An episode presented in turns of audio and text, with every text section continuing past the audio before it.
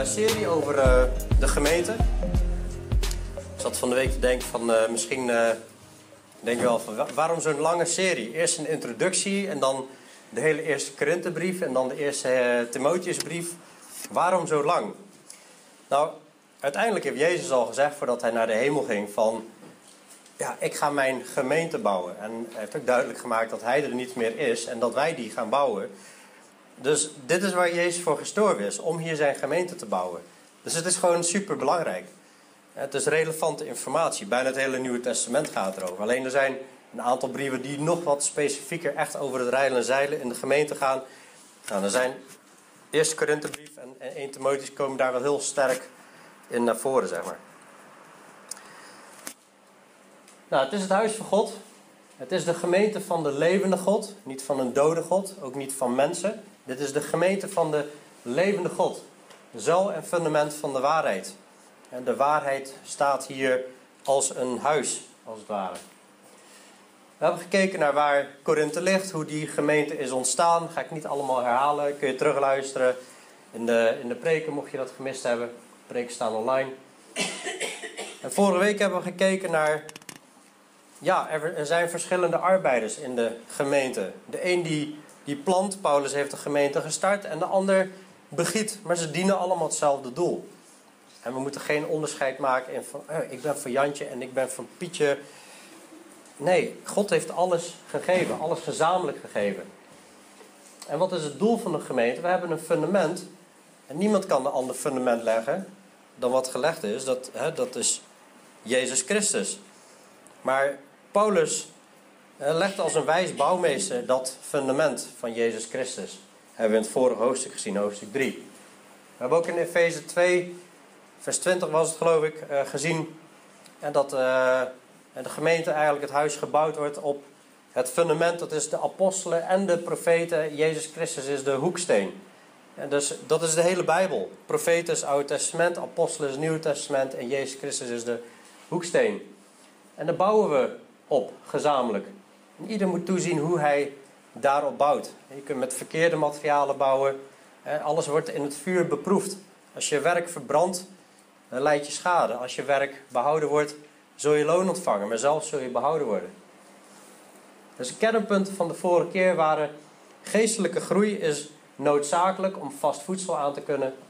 De mensen in de Korinthe gemeente waren vleeselijk. En het is goed om naar onszelf te kijken. Zijn wij geestelijke christen of vleeselijke christen? Een vleeselijke christen is een christen die nog leeft naar de wereld en nog denkt als de wereld. En we bouwen gezamenlijk aan dat huis. Het is niet alleen maar de voorganger die bouwt, maar we bouwen gezamenlijk. Als het goed is, staat erachter. Hè? Wordt er op het juiste fundament gebouwd? Daar hebben we uitgebreid bij stilgestaan, wat het juiste fundament is. En waarmee bouw je op het fundament? Dat zijn de belangrijke vragen van de vorige keer. En dan gaat Paulus verder in hoofdstuk 4, vers 1. Ben ik goed te verstaan trouwens? Denk het wel, hè? Ja. Oké. Laat ieder mens ons zo beschouwen, namelijk als dienaren van Christus en beheerders van de geheimenissen van God. En verder wordt van de beheerders verlangd dat zij betrouwbaar blijken te zijn. Nou, laat ieder mens ons zo beschouwen. Ons, hij heeft het net gehad over de situatie Paulus en Apollos. En dat de een zegt, eh, ik ben van Paulus en ik ben van Apollos. Eh, dat is vleeselijk, dat moeten we niet doen. Dat zijn menselijke redeneringen, dat is menselijke wijsheid. Maar laat ieder mens ons, eh, ook, ook de leiders in de gemeente, beschouwen als dienaren van Christus. En het is heel interessant dat het, uh, het woord in de Griekse grondtekst, dat, dat wordt ook gebruikt voor uh, onderroeiers. Onderroeiers, dat is een andere vertaling. Nou, wat is een onderroeier? Dat zijn eigenlijk de, de slaven in, in het dek, op het dek, of uh, in een schip, zeg maar, die in het onderste dek zitten. Dat waren eigenlijk de laagste soort van slaven. Dat woord wordt gebruikt in de grondtekst. Dus, Paulus zet hier een totaal contrast neer ten opzichte van waar men mee bezig was. Men was bezig om leiders op een voetstuk neer te zetten. En hij zegt: nee, wij zijn onderroeiers van Christus. Wij zijn dienaren van Christus. We zijn eigenlijk de laagste slaven. En we zijn beheerders van de geheimenis van God. Een beheerder, dat is iemand die niet iets in eigendom heeft. Het is het eigendom van God, maar hij beheert het. Hun beheren het. En zijn beheerders van de geheimenissen van God. Niet van hun geheimenissen, maar de geheimenissen van God. We hebben uitgebreid stilgestaan bij wat die geheimenissen zijn. Dat is wat God nu in deze tijd geopenbaard heeft. Wat verborgen was door alle eeuwen heen. Dat kun je ook terug horen in de preken. En verder, vers 2, wordt van de beheerders verlangd dat zij betrouwbaar blijken te zijn. Nou, iedereen is natuurlijk in een bepaalde mate een beheerder van die geheimenis van God. Maar de leiders vooral. Als wij hier het woord staan te spreken en die geheimenis van God staan te openbaren, dan ga je echt voor verantwoordelijk gehouden worden, zeg maar. Maar iedereen is ook weer verantwoordelijk om te toetsen. Iedereen heeft een taak. En het is belangrijk om betrouwbaar te zijn. Er wordt van de beheerders verlangd dat zij betrouwbaar blijken te zijn. Dus welke taak jij ook hebt, wat jij ook in beheer hebt gekregen, is belangrijk om betrouwbaar daarin te zijn. Ik ben, toen ik begon te dienen in de gemeente was ik penningmeester en probeer ik daar betrouwbaar in te zijn. En dat hebben mensen beoordeeld en dan word je meegenomen naar volgende stappen. Of niet, hè? maar je, je dient de Heer, je dient geen mensen. Dus het is belangrijk om betrouwbaar te zijn. Daarbij moest ik ook denken aan Matthäus 24. We hebben Matthäus hebben wij behandeld. En in Matthäus 24 gaat het over de eindtijd. Jezus leert wat er over in de eindtijd gaat gebeuren. En dan eindigt hij met dat we bereid moeten zijn. Want op een uur waarop u het niet zou denken, Matthäus 24, vers 44. Wees bereid, want op een uur waarop u het niet zou denken, zal de mensenzoon komen. Wie is dan die trouwe en verstandige slaaf, die zijn heer over zijn personeel aangesteld heeft, die, die, die de heer over eigenlijk zijn gemeente aangesteld heeft. En personeel zijn ook mensen die dienen, zeg maar. Wie is die trouwe en verstandige slaaf die zijn heer over zijn personeel aangesteld heeft, om hun het voedsel op de juiste tijd te geven? Zalig die slaaf die door zijn heer bij zijn komst zo handelend aangetroffen zal worden. Voorwaar, ik zeg u dat hij hem over al zijn bezittingen zal aanstellen.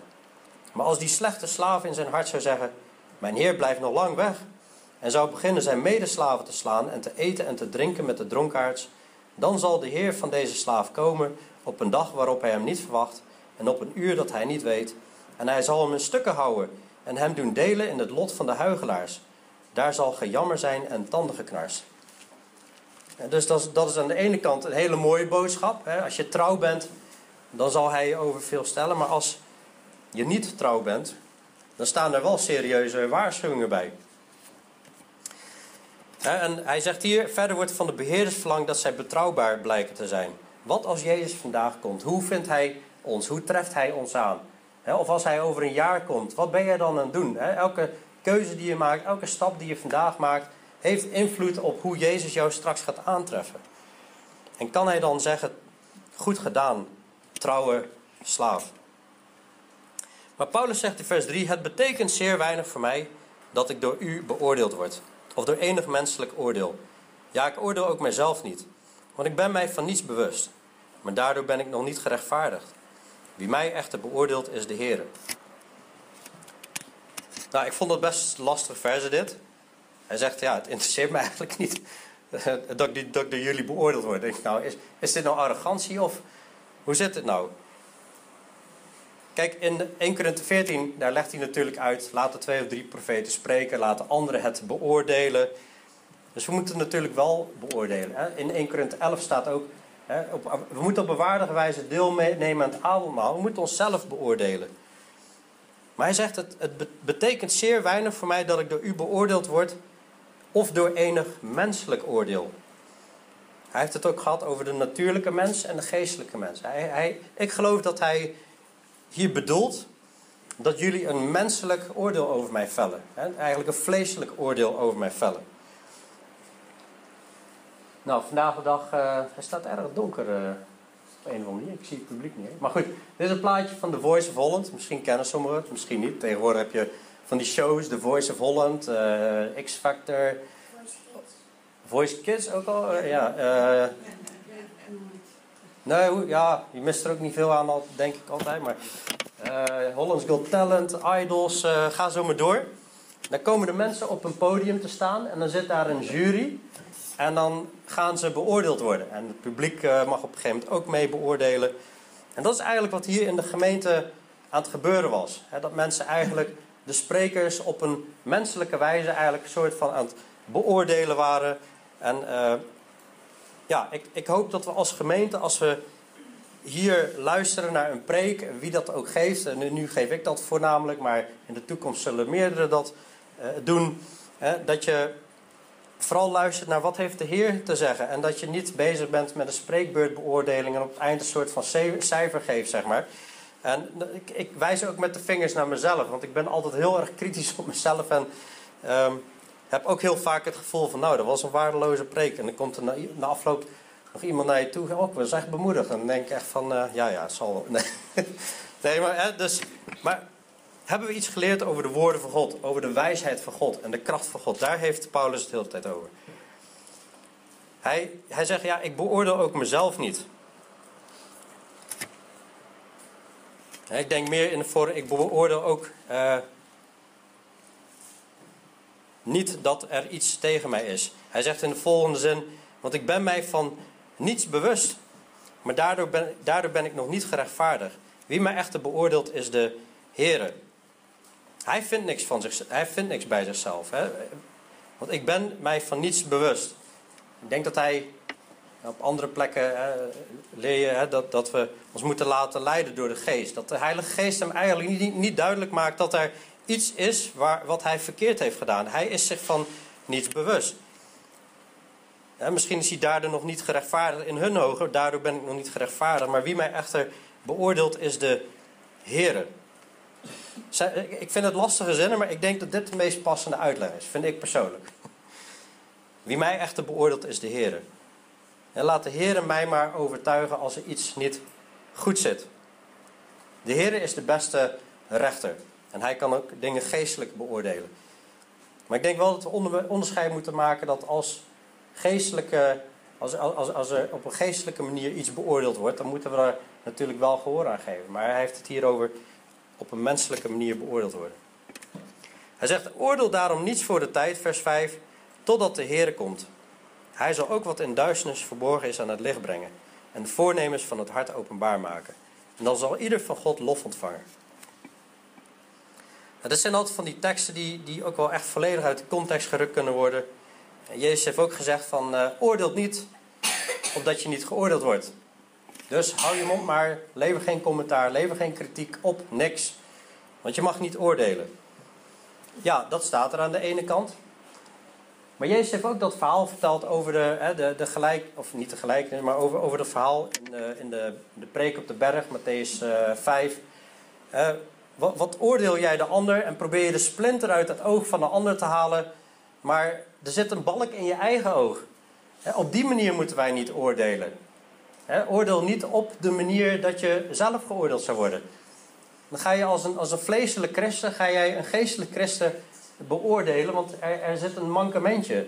Terwijl je hele leven een puinhoop is, dan ben je een huigelaar. Want even later zegt, zegt Jezus wel degelijk hè, dat er zullen wolven in schaapskleren komen. Ja, die moet je natuurlijk beoordelen aan hun vrucht. Aan de vrucht herken je de boom. Dat zegt hij in hetzelfde hoofdstuk. Hij oordeelt daarom niets voor de tijd, zegt Paulus, totdat de Heer komt. Hij zal ook wat in duisternis verborgen is aan het licht brengen. Ga niet met elkaar smispelen dit en dat, dit is allemaal, oh, heb je dat gehoord? Oh, heb je, en we zijn geen roddelclub, dat doen ze in de wereld. En daar heb je gewoon programma's, de, de, de gossip-programma's en zo. Die gaan dan de roddeltijdschriften bekijken. Hij zal ook wat in duisternis verborgen is, gaat hij aan het licht brengen. Alles wat in een woonkamer besproken wordt, alles wat waar dan ook besproken wordt, dat zal aan het licht gebracht worden. Er zijn geen geheimen bij God. En de voornemens van het hart worden openbaar gemaakt. En dan zal ieder van God lof ontvangen. Ook dat moeten we weer plaatsen in de context van het vorige hoofdstuk, geloof ik. Waarin hij gezegd heeft: mensen zullen met bepaalde werken schade lijden en met bepaalde werken zul je loon ontvangen. En zal ieder God van, eh, dan zal ieder van God lof ontvangen en niet van mensen. Het gaat hier om niet de lof te willen ontvangen van mensen, maar dan zul je lof van God ontvangen. Nou, hij heeft hier lang bij stilgestaan.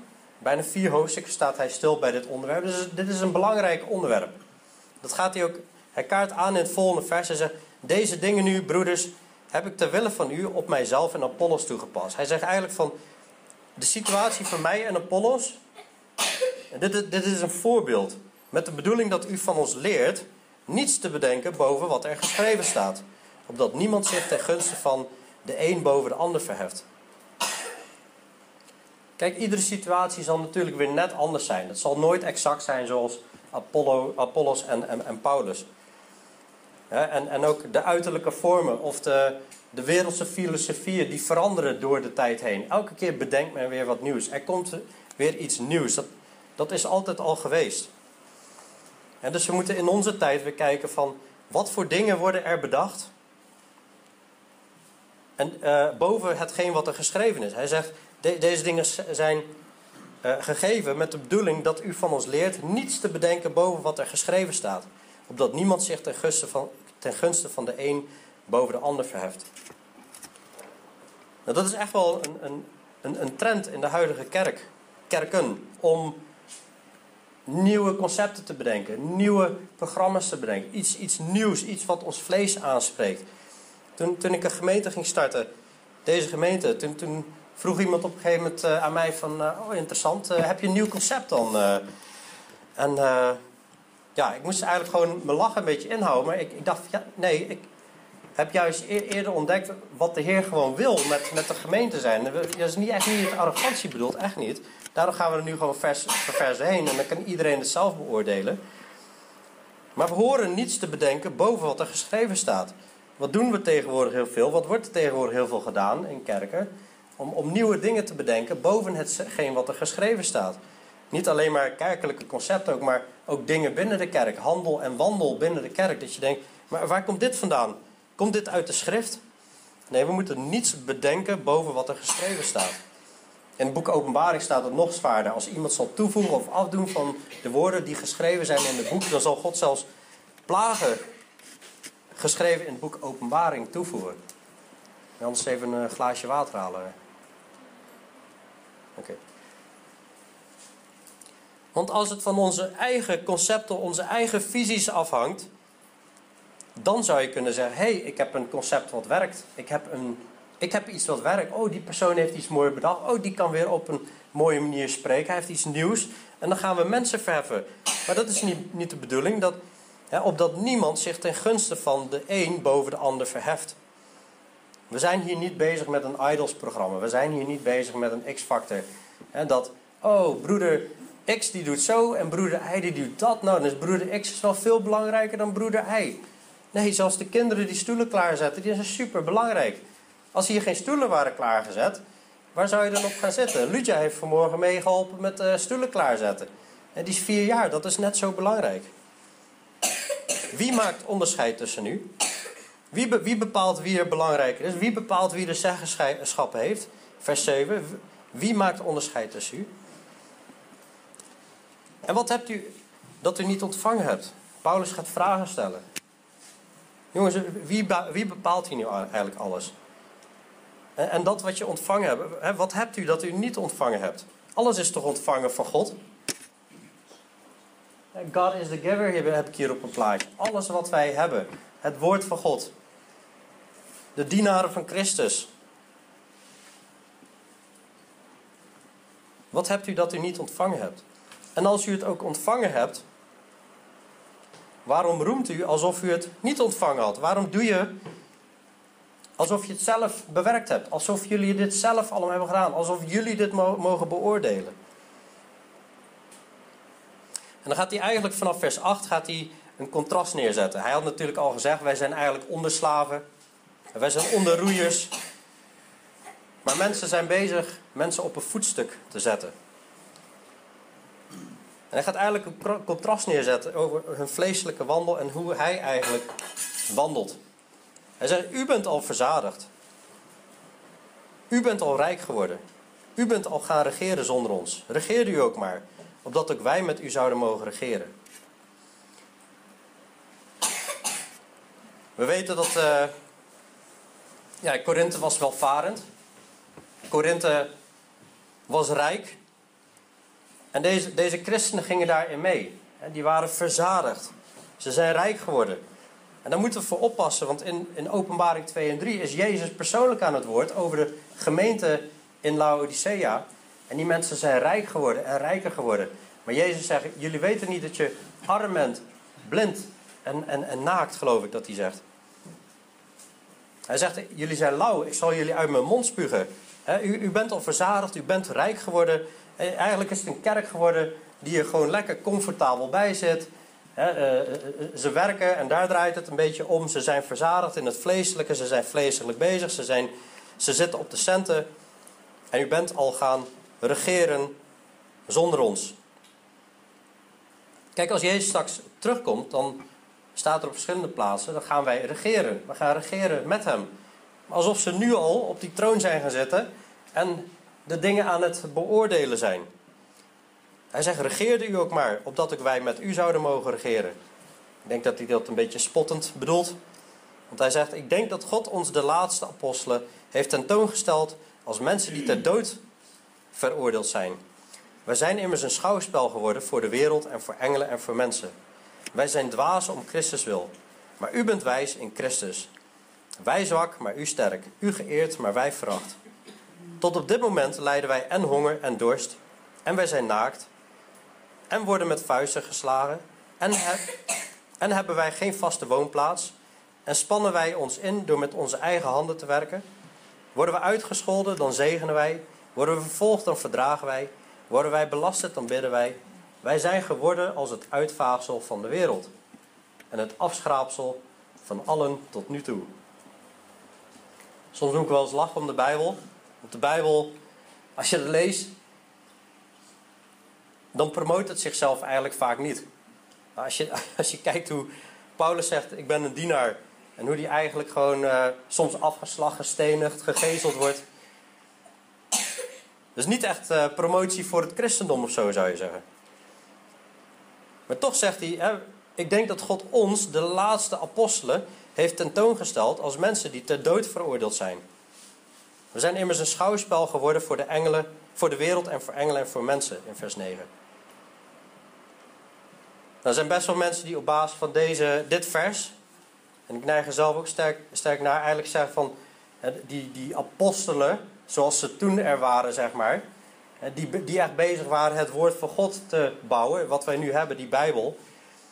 En dat, dat die een soort van gestopt zijn. Een hele lange periode hebben mensen zich eigenlijk helemaal geen apostelen meer genoemd. En rond, rond de eeuwwisseling van 2000 uh, is het in één keer weer geëxplodeerd. Dat er allemaal mensen zijn die zich ineens apostel zijn gaan noemen. En, en ook nog mensen gaan er massaal achteraan. Alleen de meeste die zich zo noemen, als je hun leer toetst, zijn het gewoon echt valse leraren. Je, sta, je ziet ook uh, dat de namen van de twaalf apostelen, die zijn geschreven op de fundamenten van het nieuwe Jeruzalem, wat straks komt, zeg maar. Dus apostelen zoals in die tijd, die gewoon het hele pakket met gaven van de geest hadden. En zo krachtig mensen konden genezen, zo krachtig wonderen doen. Met alle respect, maar die zie ik nu niet meer. Die zo een Catharina ziekenhuis in konden lopen en iedereen in één klap konden ontslaan. Of dat door hun schaduw al mensen genazen, zeg maar. Dat, dat zie ik niet op het moment. Ik zeg niet dat God niet meer geneest, maar met zo'n kracht zoals dat bij hun was, dat zie ik nu niet. Hun waren bijzondere mensen. En hij zegt eigenlijk, ik denk dat God ons, de laatste apostelen, heeft tentoongesteld als mensen die ter dood veroordeeld zijn. We zijn immers een schouwspel geworden voor de wereld en voor engelen en voor mensen. Iedereen kijkt toe. Iedereen wil van ons af, lijkt het wel. Maar wij zijn dwaas om Christus wil.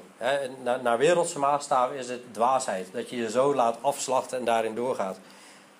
Maar u bent wijs in Christus.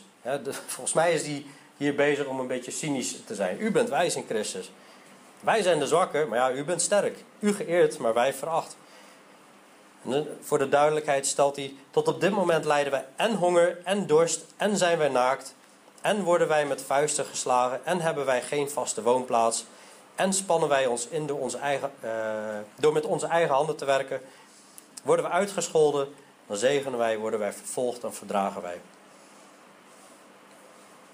Hij wil eigenlijk zeggen: van, ja, zet ons niet op een voetstuk. Dus echt, ik weet niet of je wil ruilen, maar we lijden honger en dorst. En we, en we, zijn, we zijn naakt. Ik ben zelfs dakloos. We hebben geen woonplaats. We worden zelfs met vuisten geslagen. En wat, wat voor eer is hierin te behalen?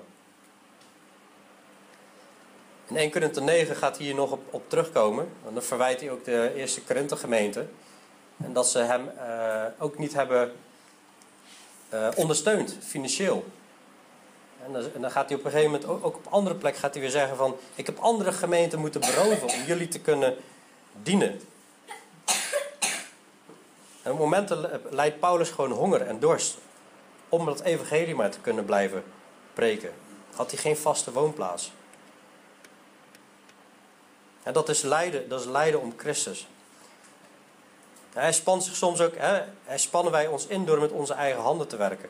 Nou, in de 10, 15 jaar dat Paulus rondgereisd heeft, dan zie je eigenlijk hè, dat hij op een bepaald moment uh, tenten heeft gebouwd met Aquila en Priscilla voor een bepaalde korte periode. En, uh, maar de Bijbel leert eigenlijk dat de arbeider zijn loon waard is. In 1 Korinthe 9 gaat hij leren dat hun die arbeiden in het evangelie horen ook te leven van het evangelie. Want hoe kan een soldaat die dient in het leger, die, die dient in Afghanistan of die dient in Syrië. Hoe kan die overdag patrouilleren of, of uh, vechten in de, in, in, de, in de frontlinie? En dan moet hij uh, s'nachts moet hij nog een bijbaantje hebben bij een callcenter, want dan moet hij nog zijn loon kunnen betalen. Ja, dat, dat, zouden we natuurlijk allemaal waanzin vinden. En dat gaat hij straks uitleggen. Maar hij zegt ja, hij verwijt, hij is eigenlijk hier al bezig met, met te zeggen, soms hebben we, of, en spannen wij ons in door met onze eigen handen te werken. Nou, Paulus was dan nog vrijgezel, maar voor mensen die ook nog getrouwd zijn en kinderen hebben, is dat helemaal lastig. We worden, uh, worden we uitgescholden, dan zegenen wij. Worden wij vervolgd, dan verdragen wij. En zegen wie u vervloeken, dat had Jezus natuurlijk ook al geleerd. Worden wij belasterd, dan bidden wij. Dat zijn allemaal mooie lessen hoe Paulus en, en, en uh, zijn buddies eigenlijk omging met, met, met deze dingen. Als mensen hun lasteren, dan gingen ze bidden. Wij zijn geworden als het uitvaagsel van de wereld en het afschraapsel van alle tot nu toe. Het lijkt wel alsof de wereld ons wil uitvagen, wegvagen, liever ons niet ziet. Mensen met die vreemde boodschap, de mensen van de weg werden ze genoemd. Nou, hij zegt tegen hen: Ik schrijf deze dingen niet om u te beschamen, maar als mijn geliefde kinderen wijs ik u terecht. Hij zegt eigenlijk, ik ben bewogen over jullie zielen. Ik wil eigenlijk dat jullie groeien. Ik wil niet dat jullie vleeselijk zijn. Ik wil dat jullie groeien.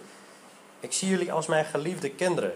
Want al had u 10.000 leermeesters, vers 15, in Christus, daarmee hebt u nog niet vele vaders in Christus.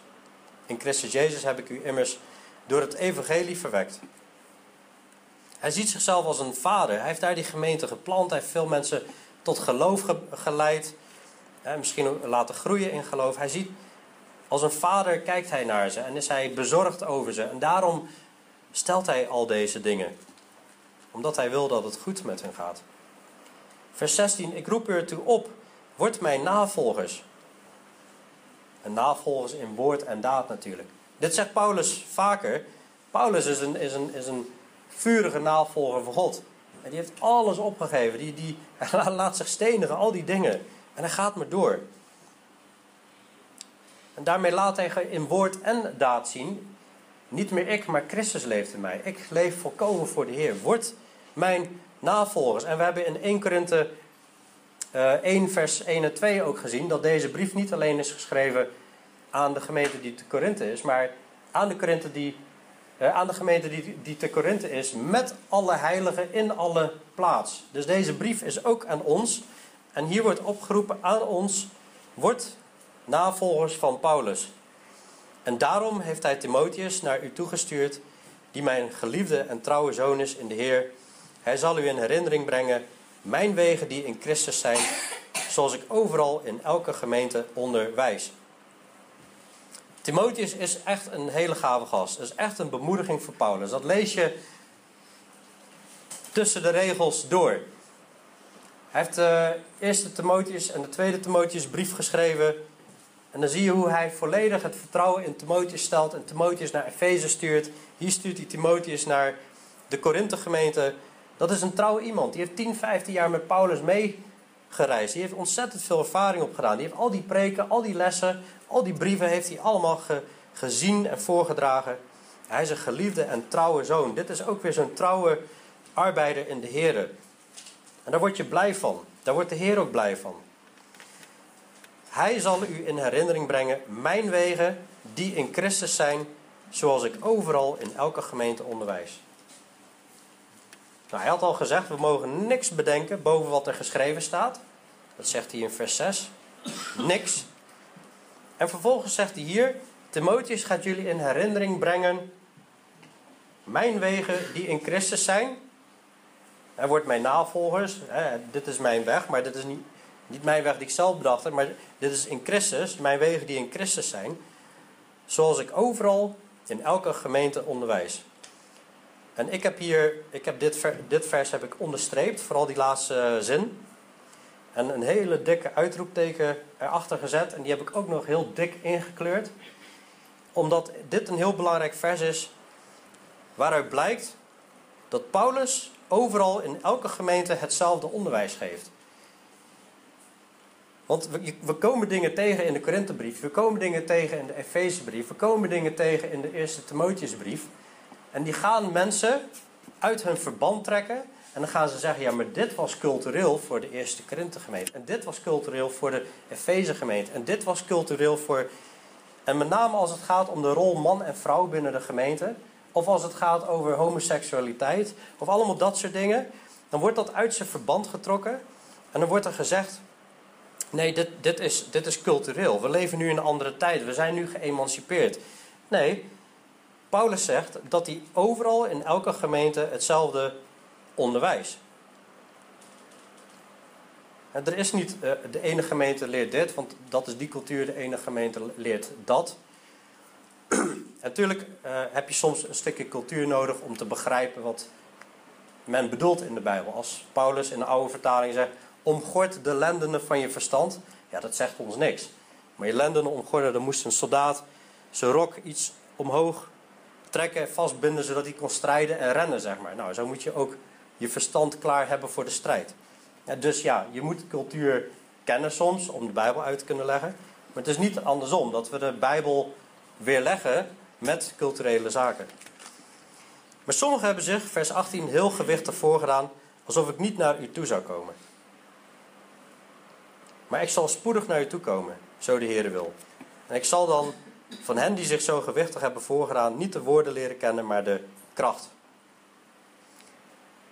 En er zijn blijkbaar mensen binnengekomen of mensen eh, opgestaan in de gemeente die zich heel gewichtig voordoen alsof ze de leiding zouden overnemen of alsof ze iets belangrijks te vertellen op, op gezag van Paulus. Nou, in dit geval dat hij niet meer zou komen.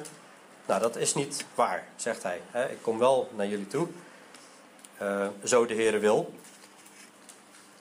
En ik zal dan van hen die zich zo gewichtig hebben voorgedaan niet de woorden leren kennen, maar de kracht.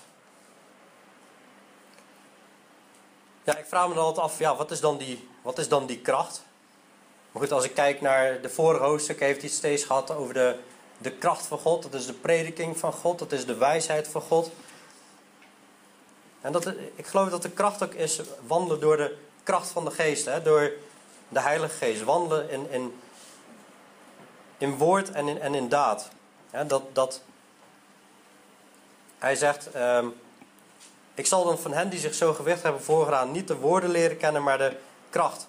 Je kan ook inhoudsloze woorden hebben. Afgelopen woensdag hebben we gekeken naar valse leraren in 2 Petrus 2. we gaan door die, door die brief heen. Dan zie je dat er mensen zullen zijn met hoogdravende woorden vol onzin. Maar hoe is hun wandel? Ik zal niet de woorden leren kennen, maar de kracht. Ik geloof dat dat ermee bedoeld wordt, de kracht van de geest. Want het van God bestaat niet in woorden, maar in kracht. En we leren ook dat we de Heer moeten liefhebben met heel ons hart, met heel onze ziel, met heel onze kracht en met heel ons verstand. En dat kan alleen maar door de kracht van de geest, door de vrucht van de geest. En dan heeft het kracht. Want dan, dan krijg je een, een geloof met de werken. Het geloof zonder de werk is dood. Is krachteloos. Wat wilt u dat ik doe? Moet ik met de roede naar u toe komen of in liefde en in een geest van zachtmoedigheid? Ik geloof dat hij hier misschien een beetje refereert naar Jezus die met een roede of een geestel door de tempel ging en de tempel moest reinigen. Maar op andere momenten zie je ook dat Jezus in, in liefde en in een geest van zachtmoedigheid bij de hoeren en tollenaars onderwijs geeft en hun leert. Dat zijn mensen die zich willen bekeren en die Jezus willen volgen. Jezus zegt op een gegeven moment tegen Maria, Maria en Martha, u hebt het goede deel gekozen. En dat je komt zitten en aan de voeten van, van, van, van Jezus, zeg maar, om te luisteren naar zijn woorden. Dat is het goede deel.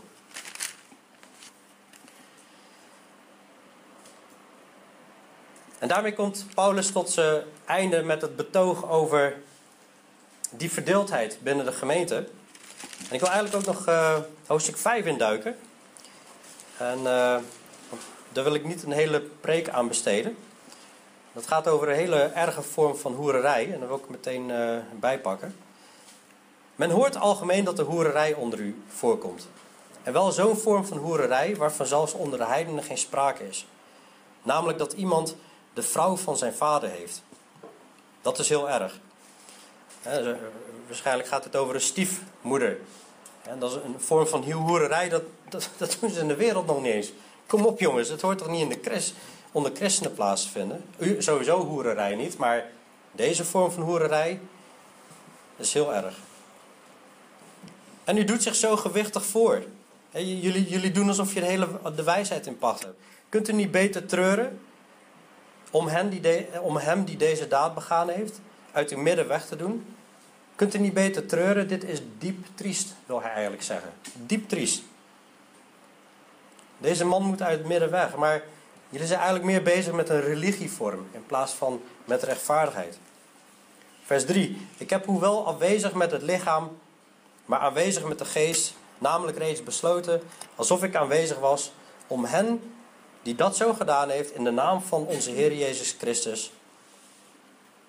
Als u en mijn geest bijeengekomen zijn in de kracht van onze Heer Jezus Christus, over te geven aan de Satan tot verderf van het vlees, opdat de geest behouden zal worden op de dag van de Heer Jezus. Paulus die doet hier niet flauw over, hè? dit is echt serieuze taal. Uit de gemeente ermee. We geven hem over aan Satan tot verderf van het vlees, opdat de geest behouden zal worden de dag van de Heer Jezus. Wat gebeurt er vandaag de dag als zoiets gebeurt in de gemeente? Een deel die geestelijk is, die zal dit begrijpen. En, en, en, en een deel zal zeggen, ja, maar waar is de liefde in dit al? En natuurlijk moet eerst op een liefdevolle manier, zachtmoedig, geprobeerd worden om iemand weer op het rechte pad te brengen. Eerst één op één, dan twee op één. Het staat er ook in, uh, in Matthäus. Maar deze man, die gaat gewoon door. En die vrouw ook natuurlijk. Die is halstarrig. Waar is de liefde in dit alles, zeggen mensen wel eens. Maar dit zeggen ze vanuit een verkeerd godsbeeld. Dat zeg je vanuit een, een, een eigen gesneden beeld van God. Want als jij zegt, waar is de liefde in dit alles, dan, dan betekent dat dat je nog niet een compleet beeld hebt van God. Want waar is de liefde van God toen hij de engelen en Satan uit de, uit de hemel heeft geknikkerd? Daar hoor ik ook niet mensen over zeggen. Waar, nee, dat vinden ze normaal, want de hemel is perfect. Daar is geen zonde. Deze mensen kwamen in opstand. Of sorry, deze engelen kwamen in opstand en zijn uit de hemel geknikkerd. We moeten beseffen dat de gemeente op aarde is een stukje hemel op aarde. Het is het koninkrijk der hemelen. Daar hoort geen zonde plaats te vinden. Het is God die in ons komt wonen. Ons lichaam is het tempel van de Heilige Geest, hebben wij geleerd. Als God hier woont, God die volmaakt is, God die heilig is en puur. En in het Oude Testament en in het Nieuwe Testament ook trouwens, in het boek Openbaring, zie je dat mensen de toorn van God verwekken. En we zien ook in, de volgende keer gaan we er iets dieper op in. In uh, 1 Korinthe 6, volgende hoofdstuk, vers uh, eh, 10 en 11. Nee, 9 tot 11. Weet u niet dat onrechtvaardigen het koninkrijk van God niet zullen beërven?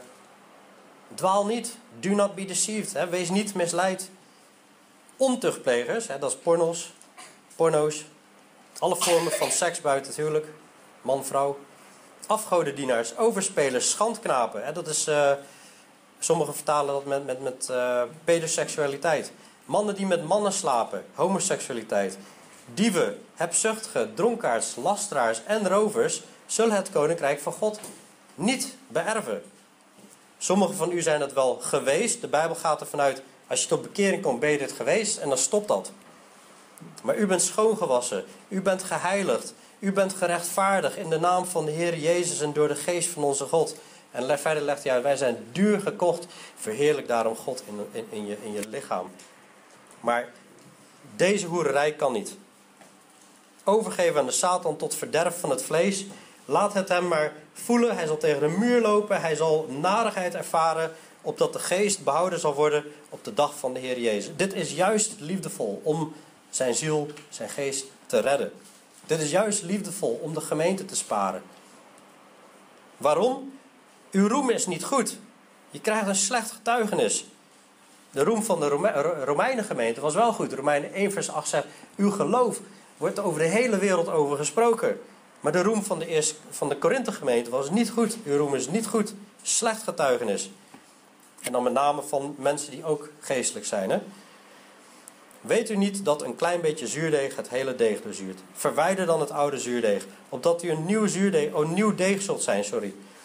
U bent immers ongezuurd, want ook ons paaslam is voor ons geslacht, Christus. Ik ben geen bakker, ik, ik, ik ben niet zo thuis in broodbakken, maar ik weet dat als je deeg hebt, nou, dan is dat vrij plat. Wij hebben hier vaak avondmaal met ongezuurde broden, die zijn plat. Op het moment dat je de zuurdeeg in doet, dan gaat dat rijzen. En uh, als je er een beetje in doet, dan gaat het hele brood doorzuurd worden.